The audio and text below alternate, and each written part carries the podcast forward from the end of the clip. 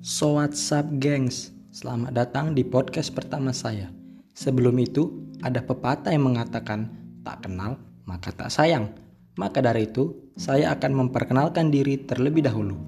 Nama saya Felix Jekonia Pasaribu. Saya berasal dari Medan, Sumatera Utara. Saya lahir pada tanggal 5 Oktober 2003. Status saya saat ini, saya seorang maba di salah satu PTN di Provinsi Lampung, yaitu di Institut Teknologi Sumatera. Prodi yang saya ambil ialah Teknik Sipil. Sekian perkenalan saya, tanpa basa-basi cenak-cenut, langsung saja kita masuk ke topik utamanya. Masa depan.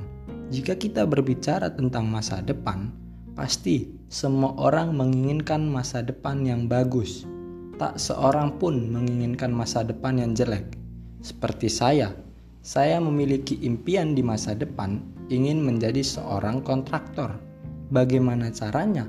Saya harus lulus tepat waktu dan mendapatkan nilai IP yang tinggi.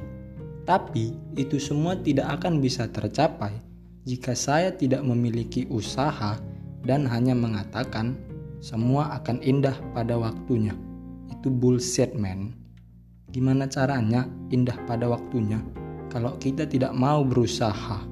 Tapi, jika kita mau berusaha, bekerja keras, dan belajar dari kesalahan, dan tidak lupa untuk berdoa, maka semua impian kita di masa depan pasti akan tercapai.